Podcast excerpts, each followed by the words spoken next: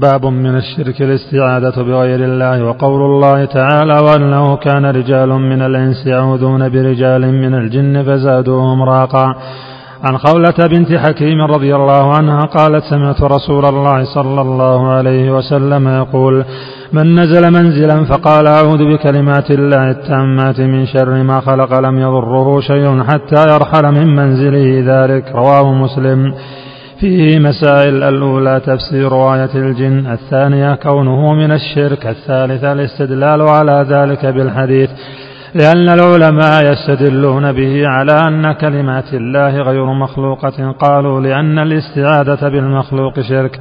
الرابعة فضيلة هذا الدعاء مع اختصارها الخامسة أن كون الشيء يحصل به منفعة دنيوية من كف شر أو جلب نفع لا يدل على أنه ليس من الشرك.